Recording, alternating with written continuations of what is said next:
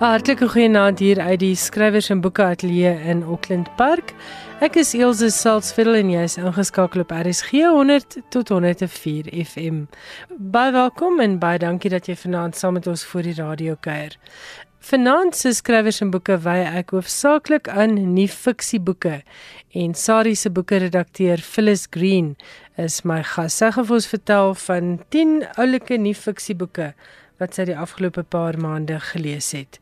Dan is Johan Meiberg in die ateljee en hy het onder meer 'n interessante stemopname deur Robert McFarlane, skrywer van die boek Underland wat pas in Brittanje bekroon is.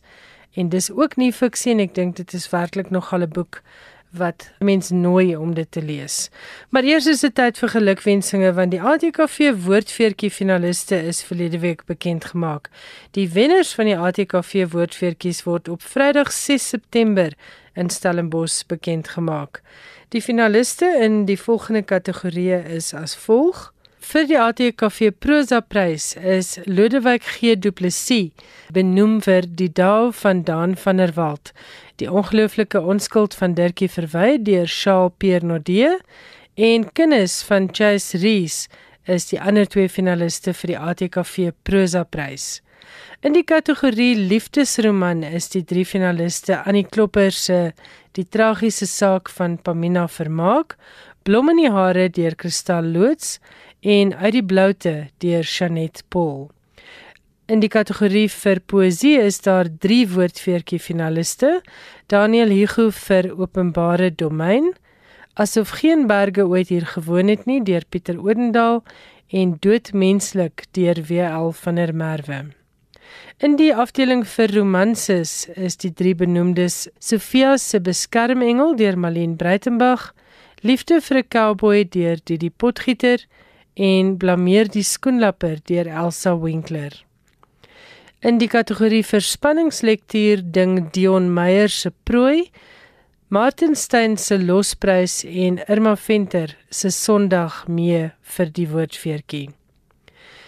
Die drie finaliste in die kategorie vir dramatekste is Philip Rademeier vir Huishou, Philip Rademeier vir Klippe wat val en Retief Skols vir Nagskof fliek. Die drie woordfeertjie finaliste in die kategorie vir nuwe fiksie is Betrofna Metlerkamp vir haar biografie Ingrid Jonker, 'n skerfie glas deur Erika Maritron en die opkoms en ondergang van die NG Kerk deur John Oosthuizen. Dit dan die finaliste van die ATKV woordfeertjies en die wenners word die 6de September bekend gemaak. Van ons kant af ook baie geluk aan hulle almal. Nou stel ek voor dat jy 'n pen en papier nader trek, want Phyllis Green het sommer 'n hele lys nuwe fiksieboeke wat ek glo die meeste luisteraars baie interessant sal vind.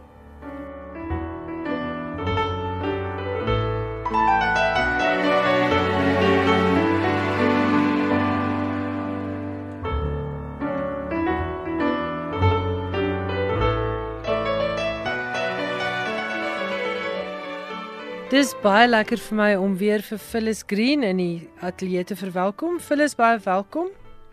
Ag, Jessie Ilse, jy weet mos dit is vir my lekker om elke nou en dan vir jou te kom kuier. Dit voel net vir my ons kuier hierdie keer is nogal lank uitmekaar. Uitmekaar uit gewees, maar hier is ons nou en ons gaan voor Kersfees nog een inpas. Vir die wat nie weet nie, Phyllis is Sari se boeke redakteur en ek dink sy is een van die mense in die land wat die wydste lees wat ek ken. So is altyd vir my lekker om te hoor wat het jou diep geraak die afgelope paar weke of paar maande. So die mikrofoon is joune en vanaand gaan ons spesifiek fokus op nuwe fiksie. Want ek kan nie altyd reg laat geskied aan al die nuwe fiksie wat in Afrikaans verskyn. So Phyllis Green, wat het jy gelees? Wat het jy geniet?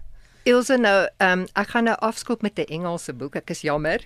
Maar ek dink dit is so 'n relevante boek vir die tyd waarin ons lewe, uh, veral vir mense wat belangstel in die politiek. Deesdae as jy na die parlementkanaal kyk op TV, dan hoor jy dikwels, "Ooh, dis Stellenbosch Mafia," jy weet. En, en dit, dit kom veral van die rooi oorpakke se span af, dis hy. Nou. En dit is so half of dit 'n vloekwoord geword het in die gemeenskap. Nou hierdie boek, The Stellenbosch Mafia, met die subtitel Inside the Billionaires Club, is geskryf deur Pieter De Tooy Dit word uitgegee deur Jonathan Ball en ek moet sê dit was vir my 'n ongelooflike insiggewende lees omdat wat Pieter doen, hy het gegaan en gaan kyk nou is daar regtig 'n Stellenbosch mafia en wie is hierdie mense en wat doen hulle? En Pieter, ek wil net gou byvoeg, Pieter is ook 'n uh, politieke joernalis. Hy veg ook aan die voorpunt teen staatskaping en korrupsie. So hy is as dit ware in die loopgrawe en hy hoor die beskuldigings uit al die verskillende hoeke. Dis die ding en ek dink dit is daai ding van jy weet mos hoe mense maklik opgesweep kan raak wanneer hulle 'n term hoor of hoor iemand word die groot vark in die verhaal gemaak soos Johan Rupert byvoorbeeld. Mm, mm. Uh, in hierdie geval, dan praat hulle dit net na die heeltyd sonder dat hulle werklik insig het of die agtergrond of die kennis of die moeite gedoen het om te gaan kyk, maar is hierdie man nou regtig die vark in die verhaal? Nou wat Pieter gaan doen het is hy het gaan kyk. Wie is Johan Rupert? Want Johan Rupert word die heeltyd beskuldig van hy gebruik sy invloed om politieke uh, besluite te draai of dat hulle tot die voordeel van groot besigheid gebruik en wat ook al. En dat hulle die ware korrupteerders van Suid-Afrika van Suid-Afrika is. Hmm. En wat vir my so interessant was is dat hy gaan kyk het wie is Rupert? Wat is sy herkoms? Hoe het hy sy pa se sake ryk uitgebou tot 'n groot internasionale besigheidsbelang wat regtig in die wêreld baie sterk en invloedryk is. En dan die ander interessante ding is hy kyk ook na die mens Johan Rupert wat min mense besef is hoeveel filantropiese goed Johan Rupert eintlik doen. En en dat Johan Rupert dikwels wanneer die rand wankel van sy internasionale sake koneksies wat hom bel en vir hom vra en dat hy hulle aanraai om vas te hou en nie te verkoop of te koop nie en so die rand 'n hele paar keer beskerm het. Hmm. So hy hy is regtig nie die vark in die verhaal nie. Die ander ding natuurlik, jy kan nie oorstel en bos skryf sonder om Marcus Jooste op te haal nie. En Steinhof. En Steinhof. Hmm. Nou Pieter gaan terug en kyk wie is Marcus Daino waar die besigheid ontstaan het en en hoe doen hulle besigheid en hoe verskil dit byvoorbeeld van iemand soos Johan Rupert. Nou as jy tot aan die einde van die boek lees en die boek lees vinnig en is baie gemaklik geskryf, jy weet so jy hoef nie 'n reusagtige intellektuele politieke leser te wees om dit te kan verstaan nie. Dan sal jy sien kyk Rupert is eintlik die goeie ou en dat hy eerbaar besigheid doen.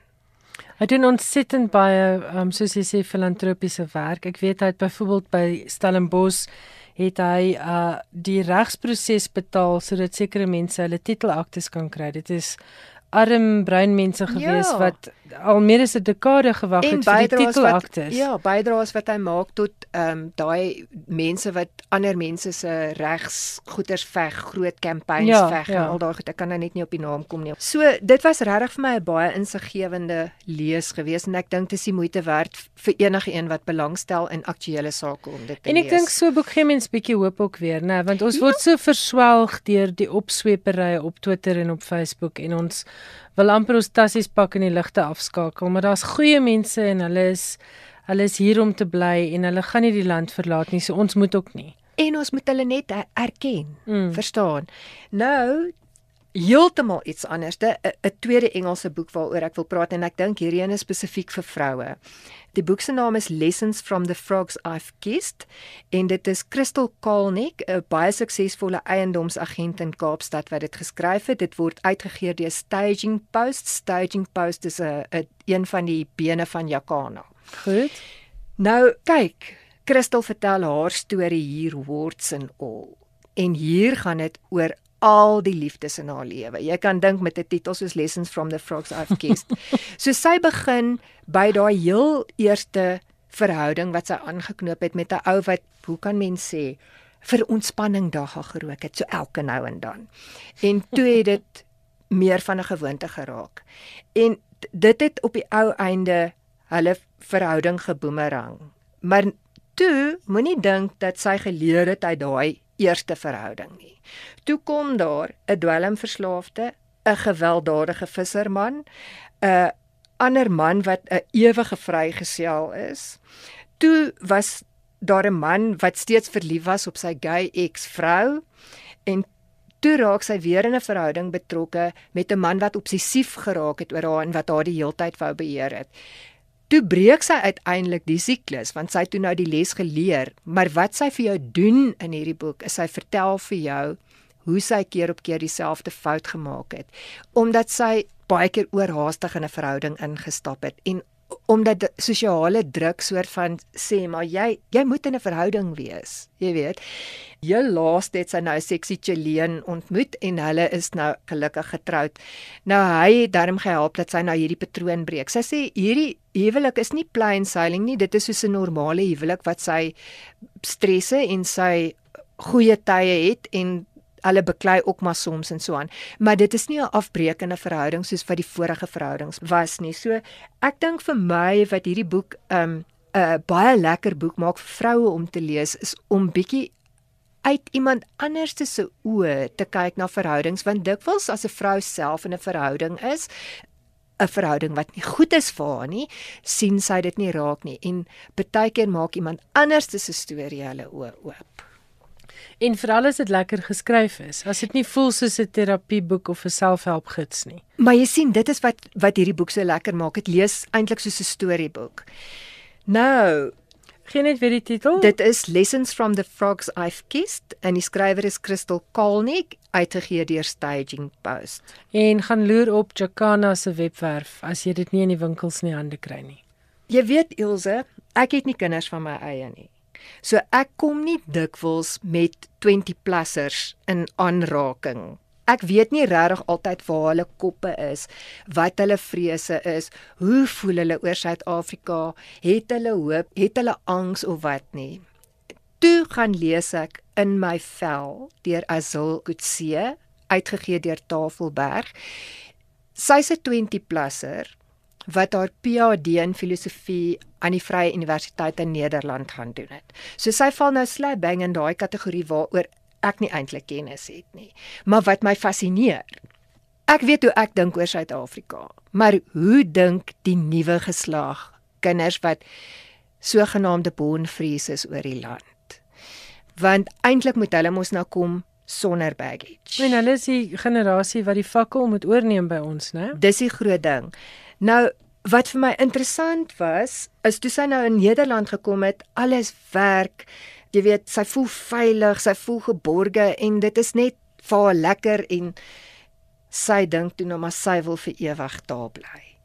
En sy toe 'n nou aktiewe verhouding nagejaag om 'n partner te kry, om 'n partner visum te kan kry wat haar dan nou sou toelaat om nou vir ewig in Nederland te bly, want sy het net 'n visum gehad vir 22 maande om nou haar PhD te doen. Nou, wat interessant was, is sy het agtergekom hierdie doelgerigte en baie selfversekerde Nederlanders vir hulle is sy nie Europees genoeg nie. Die meisie van Afrika. Die meisie van Afrika, 'n wit meisie van Afrika. Sy's nie Europees genoeg nie. Ironies, in Suid-Afrika is sy weer te Europees vir sommige van mm, haar medeburgers. Mm. So nou hierdie kopreis van haar gaan oor daai ding van waar pas ek regtig in? Hoe voel ek oor my land? En dan tussendeur vertel sy nou van haar jy weet hoe haar lewe nou in Nederland verloop terwyl sy swat en en alles. Maar sy sê ook sy dra swaar aan Suid-Afrika en die erfenis van kolonialisme en ek wil net op bladsy 80 wil ek haar aanhaal. Afrikaner pas nie in die koloniale onderskeidings in nie. Dis nie of Europees of van Afrika nie. Dis nie wit of swart nie. Dis nie setlaar of slaaf nie. Nie uitheems of inheems nie.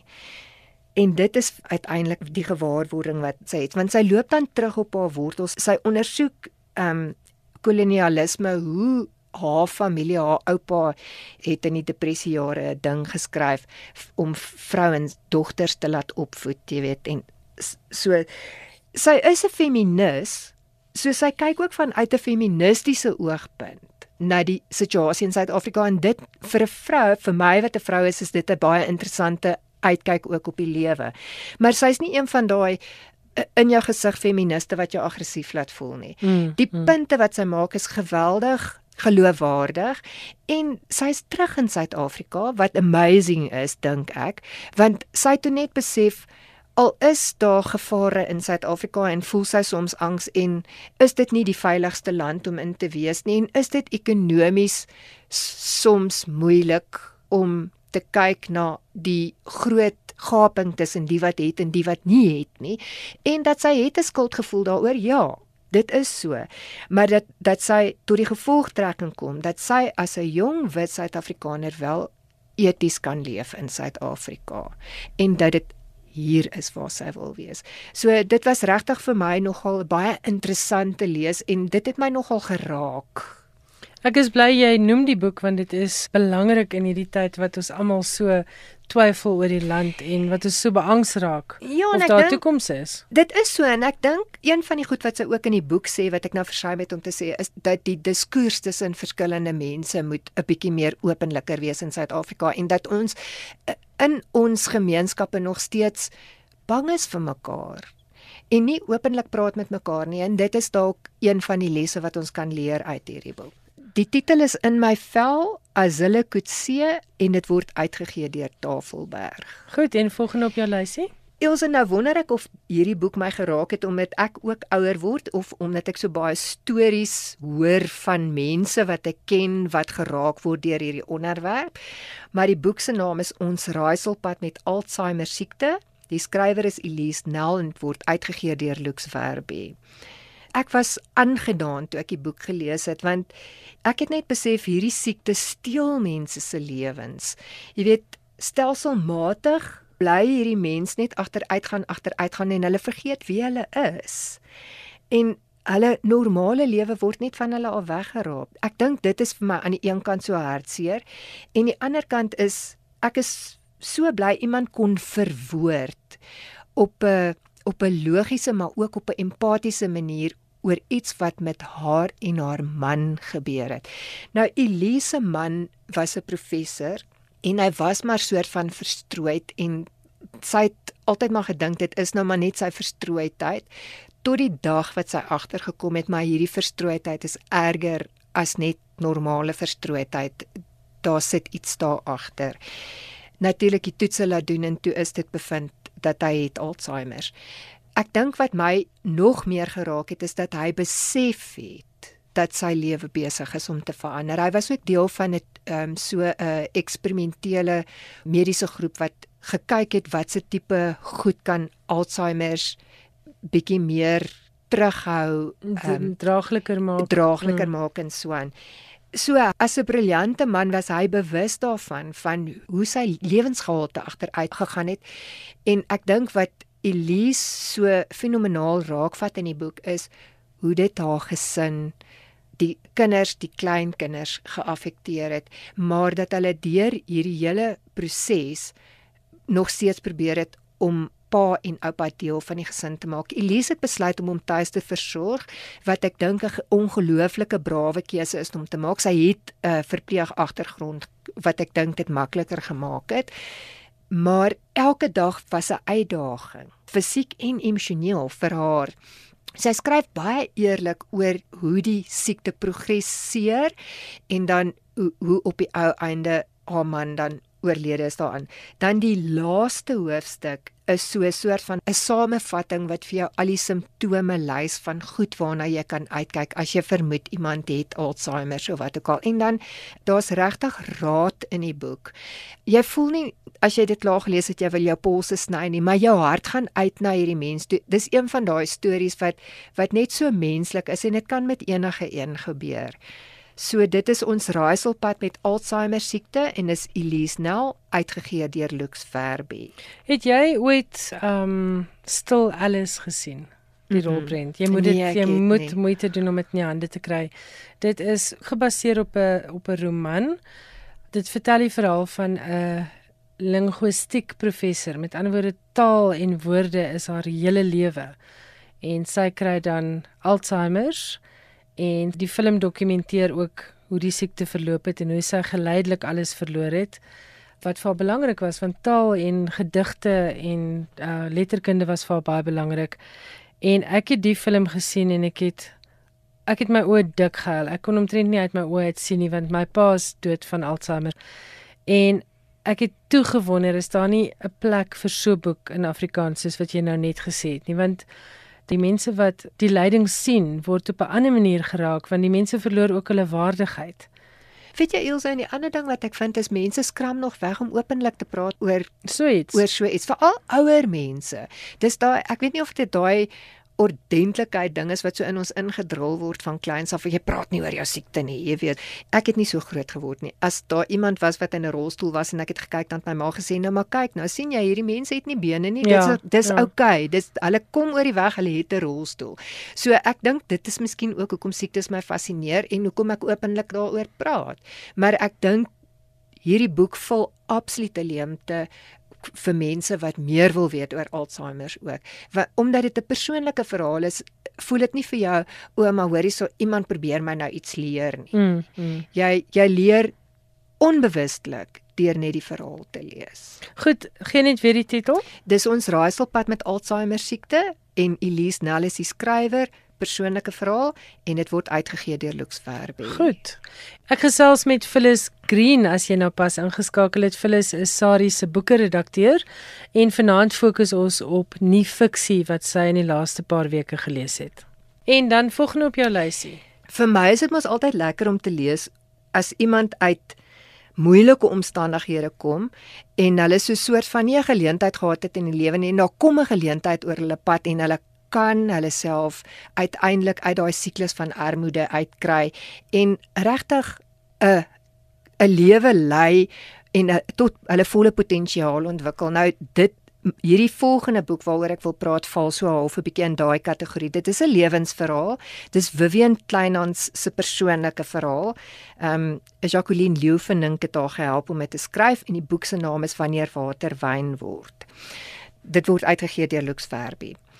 Dis so inspirerende lewensverhaal want Vivian Kleinhans en en haar sibbe het regtig onder arm omstandighede groot geword. Hulle was daar in Paternoster. Die pa het vir 'n die visfabriek gewerk en ook maar 'n dopie of twee te veel geneem soms en dan is jy weet hulle het geweet as die pa by die huis kom en hy lyk nie lekker nie dan het hulle net spoor gemaak. Mm. So dit is die ma wat dit dan ontgeld het. So 'n groot deel van die boek gaan oor die kinderjare en die omstandighede waaronder Vivian en haar sibbe groot geword het. Vivian vertel dan ook hoe armoede haar gedwing het om skool te los want as daar nou meer kinders in die huis is dan moet die oudste een moet dan nou maar of wanneer jy op daai ouderdom is waar jy kan gaan werk en kan bydra tot die huishouding dan gebeur dit. So sy het inderdaad nou nie skool klaar gemaak nie, het gaan werk om nou buite te dra tot die huishouding. Toe sy nou werk, toe raak sy betrokke by 'n man wat omtrent 28 jaar ouer as sy is. Aanvanklik was dit 'n baie lekker ding vir haar, die verhouding en so. Maar hy het al hoe meer besitlik geraak en naderhand het hy haar lewe oorheers. Hulle is toe verplaas na 'n ander dorp toe en sy is toe nou ook saam en dit het toe nou regtig 'n abusive relationship geraak. Sy was toe nou ook so half vasgevang in 'n situasie want hy het gemaak dat sy vervreemd word van haar familie. En toe op 'n dag het sy net besluit maar genoeg is genoeg. Sy kan nie so aangaan nie. Sy's 'n baie sterk vrou en ek dink dis wat my so beïndruk het van haar is sy het besluit maar sy gaan haar lewe omdraai. Toe sy begin leer weer, matriek gemaak, en nou elke geleentheid wat sy kry, werksgeleentheid wat sy kon kry om haarself te verbeter, om iets meer te leer, het sy toe nou aangegryp en dit so gedoen en sy het haar wêreld toe nou so uitgebrei. Toe uiteindelik het sy in in die wêreld van wyn beland en sy is nou vandag 'n uitvoerder van wyn. Sy maak nie haar eie wyn nie. So sy hulle koop wyn in, maar haar wyn word in die wêreld word dit versprei en dit was daai deel van haar storie voel ek kon miskien 'n bietjie meer uitgebou gewees het want die kompetisie in daai mark is ongelooflik straf. Mm en ehm um, sy gaan nie heeltemal in detail in in in al die goed wat sy deurgemaak het om uiteindelik so suksesvol te wees nie. So ek sou 'n bietjie meer daarvan wou gelees het, maar dis nog steeds 'n geweldige inspirerende verhaal van iemand wat uit hulle omstandighede kon opstaan, uit armoede, uit uitmishandeling uit omdat sy 'n wilsbesluit gemaak het en gesê het maar ek gaan my lewe verbeter. So 'n lekker inspirasieboek en gee net weer vir ons die titel. Wanneer water wyn word Jacqueline Leeuwenink skryf vir Wien Kleinhans se verhaal en dis Lux Verbi wat dit uitgee. Goed, Phyllis, volgende op jou lysie. Ek is 'n baie swak dagboekhouer. ek dink omdat ek so baie lees journal of dagboek ek glad nie, maar hierdie boek wat Lizet Rabbe geskryf het, het my nogal anders laat kyk na trauma en hoe skryf en skryfterapie spesifiek mense kan help om deur trauma te werk. Die boek se naam is Om tot verhaal te kom. Dit word uitgegee deur Lapa. Nou journaling wat nou in Afrikaans nou maar eintlik dagboekskrywery is, is nou maar skryfterapie. Nou hierdie handleiding, dis 'n geweldige praktiese handleiding. Lizet vat jou deur al die stappe van hoe om te begin. Om net die eerste ding wat sy sê is gaan sit net, begin skryf, rig vir jou 'n plekkie in en dit maak nie saak of jy met 'n pen op papier skryf en of jy met 'n rekenaar skryf nie of wat ook al nie, maar maar gaan sit net, haal asem en sit net jou woorde op papier neer wat ook interessant is is hoe sy skryf oor trauma want trauma kom in baie verskillende forme. Dit kan 'n ervaring wees wat jy gehad het wat vir jou groot skok gegee het of dit kan die dood van iemand na aan jou wees. Dit kan jy kon jou werk verloor het. Dit kan misdaad, siekte of selfs egskeiding wees.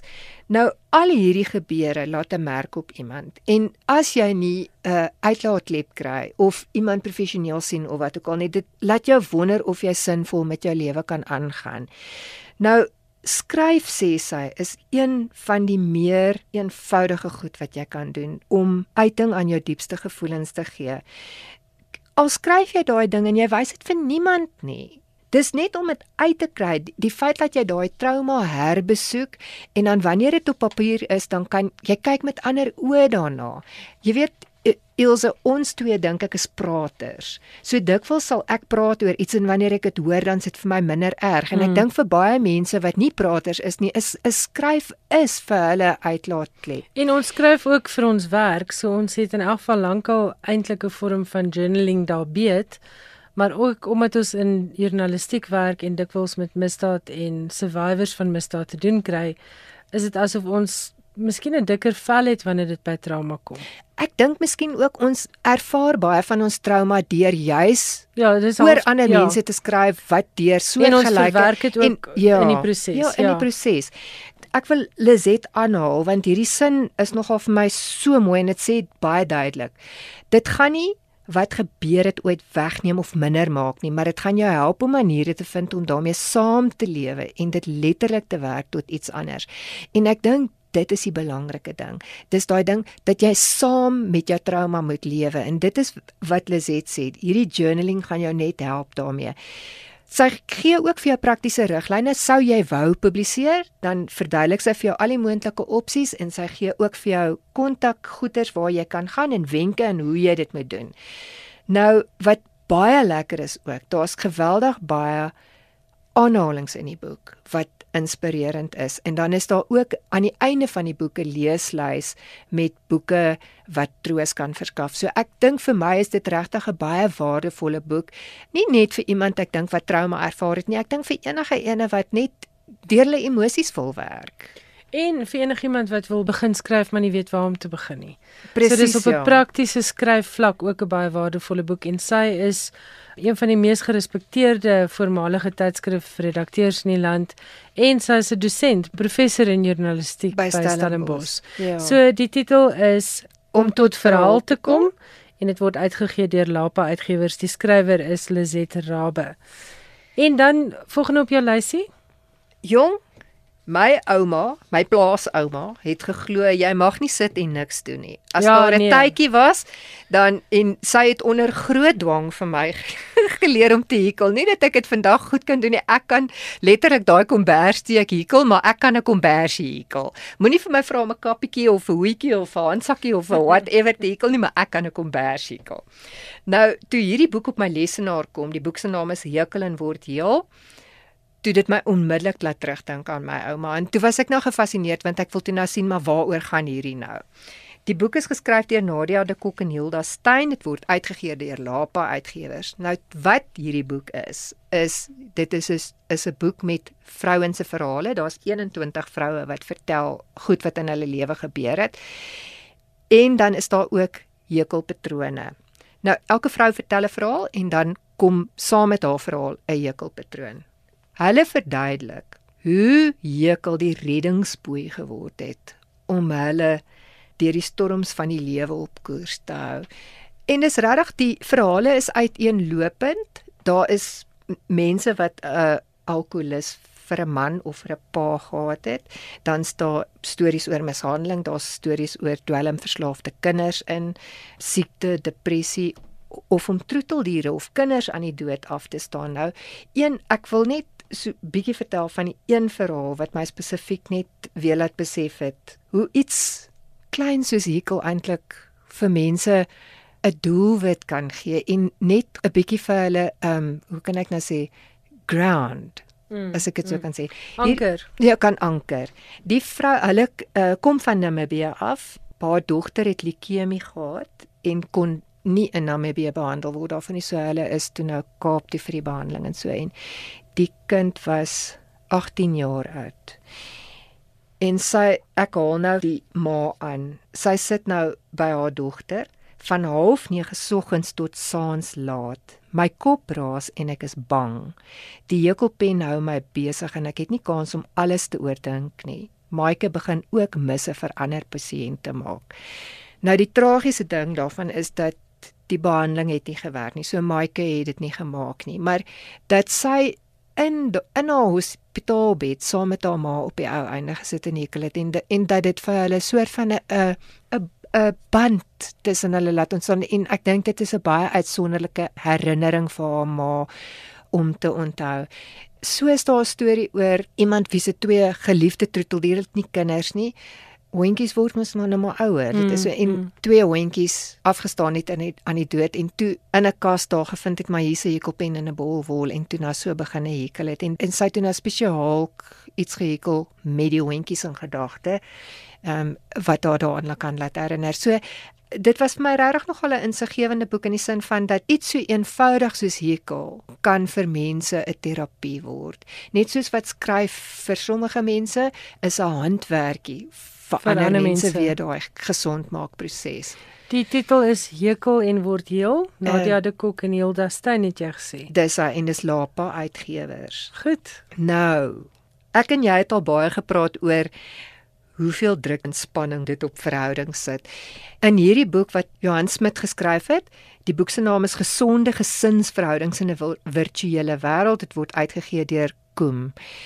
Ek is baie na aan my gesin en ons sit nog dikwels om 'n tafel en eet saam. En wat ek besef het is dit in baie huisgesinne gebeur dit nie meer nie. Daar's soveel mense wat net met 'n uh, skinkbord voor die televisie sit en en vinnig iets eet en so aan. En partykeer sit mense nie eens en eet nie want jy's op pad na 'n volgende vergadering of 'n oh, kind se buitemuur of wat ook al. Of jy's op jou foon besig mm. of wat ook al. En en wat Johan sê in hierdie boek is mense leef by mekaar verby, letterlik, want hulle konnekteer nie meer op 'n persoonlike vlak met mekaar nie. Hulle dink hulle konnekteer wanneer hulle met tegnologie konnekteer, maar dit is dis 'n virtuele lewe. Dit is nie 'n werklike lewe nie. So mense sit nie meer regtig van aangesig tot aangesig met mekaar in gesels nie. En ek dink wat baie duidelik is, dit is dit veroorsaak 'n probleem in die gemeenskap met kommunikasie. Ek sien dit met baie jong mense wat in erns 'n koffiewinkel sit elkeen besig op sy foon, hulle gesels nie met mekaar nie. Jy nou, sien paartjies en dan kan jy sien hierdie is eintlik veronderstel om 'n romantiese uitete te wees. Um maar dis mooi aangetrek en praat, praat glad nie. nie. En dit maak mens bang, nê? Nou wat Johan doen in hierdie boek is hy gee wenke hoe jy in gesinsverband kan begin om te probeer om daai verhoudings weer gesond te maak. So die een van die eerste goed wat hy noem is kom saam om 'n tafel eet saam en dan gee hy 'n klomp ander praktiese wenke van klein maniere hoe jy in jou gesin net kan probeer om weer te konnekteer op 'n persoonlike vlak. Dit's moeilik met tieners. Ek mm. neem so aan, so hoor ek van almal wat tieners het. Maar ek dink die punt is probeer. Mm. En dis eenvoudige wenke en dit is haalbaar. So ja, ek dink mense moet maar net die boek koop en lees en baie van hierdie wenke toepas. En dit is Johan Smit wat dit geskryf het, die titel Gesonde gesinsverhoudings in 'n virtuele wêreld. En is dit ook uh, is dit Koem? Dis Koem. Dis Koem. Dis Koem. Goed. Nou die volgende boek waaroor ek praat is spesifiek vir mans. Die boek se naam is ook vir mans. Die sielkundige Johan Ferreira het dit geskryf. Ehm um, dis 'n Lux Verbi boek En wat hierdie boek doen, is dit werp lig op manlike kwessies, die probleme wat die hedendaagse man het. Johan het letterlik gegaan en gaan kyk na wat is die probleme waarmee pasiënte wat instap in sy praktyk mans. Wat is die mees algemene probleme en wat is die goed wat hulle die heeltyd aanmeld? Nou, hy deel dit in in verhoudings en lewensfase uitdagings, verslawing, gemoedsprobleme en traumatiese ervarings. Dan vat hy nou elke probleem en hy verduidelik dit aan die hand van 'n persoon se storie. So die man vertel dan basically sy storie en daardeur manifesteer die probleem dan. So jy voel nooit dat jy regtig 'n teoretiese verhandeling lees of dat iemand vir jou sê, "O, wag 'n bietjie, hierso is nou 'n klein probleempie in jou kop of wat ook al nie." So dit maak die boek baie verteerbaar en aan die einde van elke storieetjie is daar so 'n 'n kort stukkie wat jou insig gee oor die probleem en dan ook aksies wat jy kan neem om die probleem mee op te los. Nou ek gaan nou net vir jou 'n paar van hierdie goeters wat hy bespreek in die verhoudingsprobleme lees en, en is fascinerend. Ek is 'n reeksverneker. My manipulerende ma veroorsaak huweliksonmin. Ek kan my nie tot 'n langtermyn verhouding verbind nie. Klink dit vir jou bekend? Dis die algemene probleme waarmee ons sê. En dan in die lewensfase uitdagings um, afdeling kyk hy na goed soos onsekerheid oor lo loopbaankeuses, die keuse tussen werk en kinders, middeljare krisis, aftrede en dan een wat ek baie geniet het, ek is 'n knorrige ou man. O ja, en ek ek het nou toevallig weer met iemand gepraat wat sê nou dat haar man afgetree het, is hy soek nodig sas lus en gaan werk. Sy wil net uit die huis uitkom. Hy wil net by die huis wees en sy wil net wegkom. So nou, ek dink is waardevolle leesstof dan vir albei geslagte. Ek wil nou net vir jou sê, jy sien, ek, ek is 'n vrou en ek het die boek baie geniet. Ek het broers ek het mans vriende. So dit het my nogal insig gegee in in goed wat in hulle koppe aangaan. En dis nie goed wat hulle noodwendig met jou sal bespreek nie. Maar ek dink wat die boek ook nuttig maak is dat jy dit as 'n geskenk vir iemand kan gee wat jy dink wat dit nodig het. Of net diskreet oop op die bedkassie plaas dis by die probleem wat relevant is, hmm, né? As hy knorrig is. so dit was ja, dit was vir my nogal 'n baie en dit sluit nou my nie fiksieboeke af. So die boek se naam is Firmans, geskryf deur Johan Ferreira en dit is 'n Lux Verbi boek. En dit was Phyllis Green, Sari se boekredakteur wat so lekker en uitgebrei oor die boeke kan praat.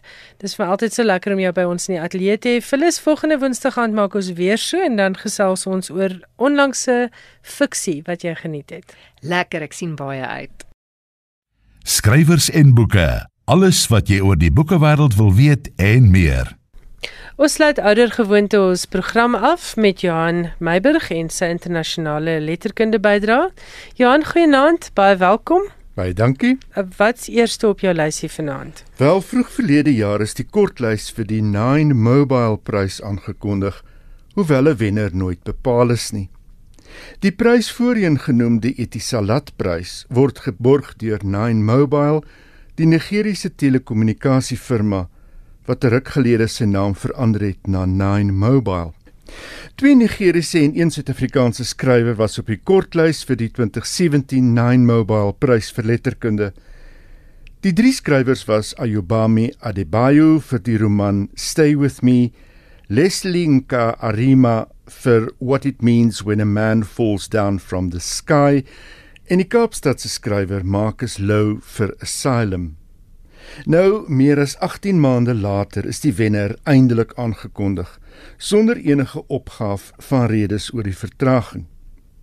Alweer die Telekom firma by monde van 'n woordvoerder gesê het is dat die prys wel sal voortgaan en dat sononder nog nie aangebreek het nie. Adebayo se boek is as wenner aangewys. Stay with me was ook op die kortlys vir die Welcome Book Prize en vir die Bailey's Women's Prize for Fiction. Die roman was ook op die langlys vir die internasionale Dylan Thomas Prys. Die Nine Mobile Letterkunde Prys is die eerste Pan-Afrika prys vir debuutwerk. Skrywers van Afrika, hoewel hulle enige plek ter wêreld kan woon, kom in aanmerking vir die prys. Nou Violet Bulawayo, die Zimbabwese skrywer, het die eerste Nine Mobile Prys in 2013 gewen met haar roman We Need New Names. Die volgende jaar het die Suid-Afrikaner Songisiwe Mhlangu die prys verower met sy Penumbra. Die 2015 prys is toegekend aan Fiston Mwanza Mjila van die Demokratiese Republiek van die Kongo vir Tram 83. In 2016 was die wenner die Nigeriese skrywer Jowor Ile met sy debuut And After Many Days. Die prys sluit afgesien van kontant ook 'n genootskap aan die Universiteit van East Anglia in Engeland in. Hier is 'n kort onderhoud met Ayubami Adebayo waarin sy meer vertel oor Stay with Me. I'm Ayubami Adebayo. I'm a Nigerian writer. I was born in Lagos, Nigeria, and shortly after that, my family moved to a city called Elisha, where most of my novel Stay With Me is set. Stay With Me is about a marriage. It's about Aki and Yejide, who have been married for five years and don't have any children. Now, they, when they got married, they were very much in love, but at the point where the novel begins, they've come under so much pressure that love doesn't seem to be the primary thing anymore to either of them. They both feel, for different reasons, that they must have children. And the choices that they make in order to do that, Akin decides to marry another wife, even though he doesn't love her, doesn't really want a second wife, but feels that it's going to reduce the pressure that his mother is putting on the marriage. There's an expression that we have um, among the Yoruba, among the Ijisha, which in the dedication I wrote to my sister, it's Oranukoro, which is you won't stand alone. And family is taught to be very sacred, and your loyalty to members of your family, people with whom you share blood, is very important to many people. So that for someone like Yejude in the novel, who grows up feeling that she doesn't really have a family, even though she has step siblings and stepmothers, she doesn't quite have a mother, she doesn't have siblings. That gap is such a huge thing that propels her to want to build her own family and have this thing that she believes is so essential to being a human being. The interesting thing that I find, the more I read about Nigerian history, um, Yoruba history in particular, is that pre-colonial times, women occupied literally every possible position in society. So religion, in Yoruba traditional religions, you had women as priestesses. In royalty, you had women in the council of Hobbes, for instance, after colonialism, quite a bit of that changed because we then began to adopt Victorian values. And some years after that, people started claiming that that was what was African. It's a mix of both now. I think that career wise in southwest Nigeria, it's a given. It's not something that is negotiated or is argued about that a woman would have financial independence. The issue might arise if she becomes, in quotes, too successful. And then people wonder, okay, is she going to get married? What is that going to be about? And I think that it still speaks to the tendency to think that a woman's existence is not valued unless she is married or she has children so it's it's it's very complex in in many ways. Many most Nigerian women are very strong, very accomplished, and um, very ambitious and driven.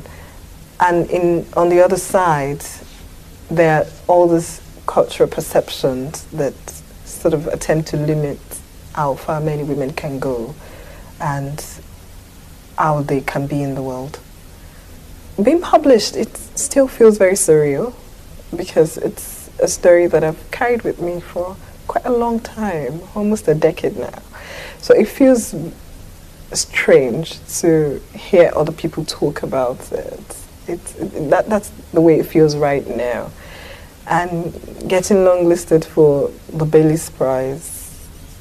Quite frankly, I'm still stunned, just totally and absolutely in shock to see my name alongside so many authors whose work I admire and have thoroughly enjoyed. It's quite an honor. Shocked. Dit was die stem van Ayubami Adebayo en sy het gepraat oor haar boek Stay with me. Dit is pas bekroon met die 9 Mobile Prys. Janie sê 18 maande voordat die wenner van die prys aangekondig word. En daar was baie navraag geweest. Uh, mense het talle oorde het gevra nou wat gebeur nou? Ons het die kortlys, die drie mense is benoem, daar gebeur niks. Dit was ek, ek as ek dit nie mis het nie, was dit Januarie 2018 wat dit aangekondig is. Ja, want dit is die 2017 prys waarvan die wenner nou amper prijs. einde 2019 ja. bekend gemaak word. Dit gee 'n nuwe betekenis aan die woord vertraging. Inderdaad. Miskien is dit 'n oorwoe mening. Dalk het hulle baie lank nagedink hieroor. Goed, wat is jou volgende bydrae? McFarlane has invented a new kind of book, really a new genre entirely. Het The Irish Times geskryf oor Robert McFarlane se jongste boek Underland. Die Britse naweekkoerant The Sunday Times was sommer baie meer direk. You'd be crazy not to read this book. En pas hier die beoordelaars van die Wainwright Golden Bear Prys, McFarlane se verkenning van 'n wêreld onder ons voete, aangewys as sy 2019 wenner. Die beoordelaars het die boek beskryf as 'n boek wat met hartstog blyke gee van die wonder van die natuur op so 'n manier dat natuurliefhebbers, maar ook lesers gek sal wees daaroor. Daarby is die boek beskryf as 'n sonderlinge dog dringende pleidooi dat die mens tog 'n kleiner voetspoor in die natuur moet nalat.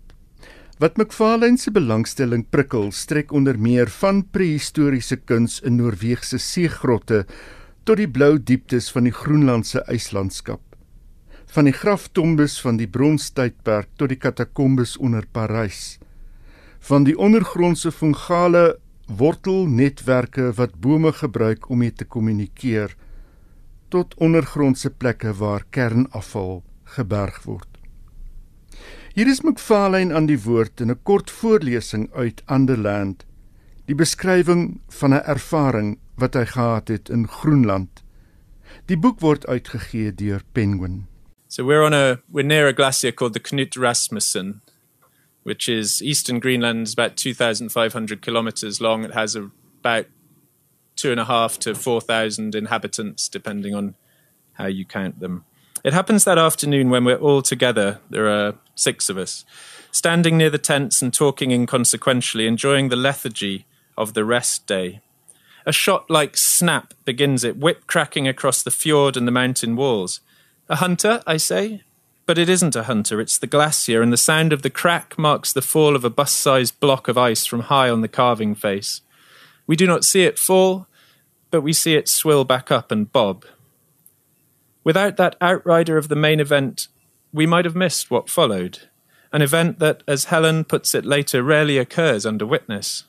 There, shouts Bill, but we're all already looking there where the first block fell, for it seems that a white freight train is driving fast out of the carving face of the glacier, thundering laterally through space before toppling down towards the water, and then the white train is suddenly somehow pulling white wagons behind it from within the glacier like an impossible magician's trick, and then the white wagons are followed by a cathedral, a blue cathedral of ice complete with towers and buttresses, all of them joined together into a single, unnatural, sideways collapsing edifice, and then a whole city of white and blue follows the cathedral as we shout and step backwards involuntarily at the force of the event, even though it's occurring a mile away from us, and we call out to each other in the silence before the roar reaches us, even though we are only a few yards from each other.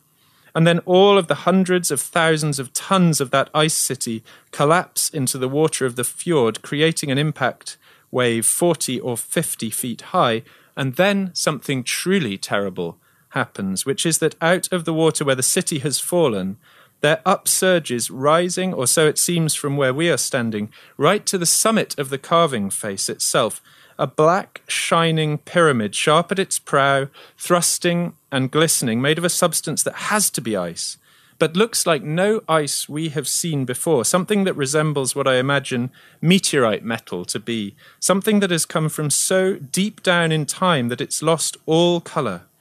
And we are dancing and swearing and shouting, appalled and thrilled to have seen this repulsive, exquisite thing rise up that should never have surfaced.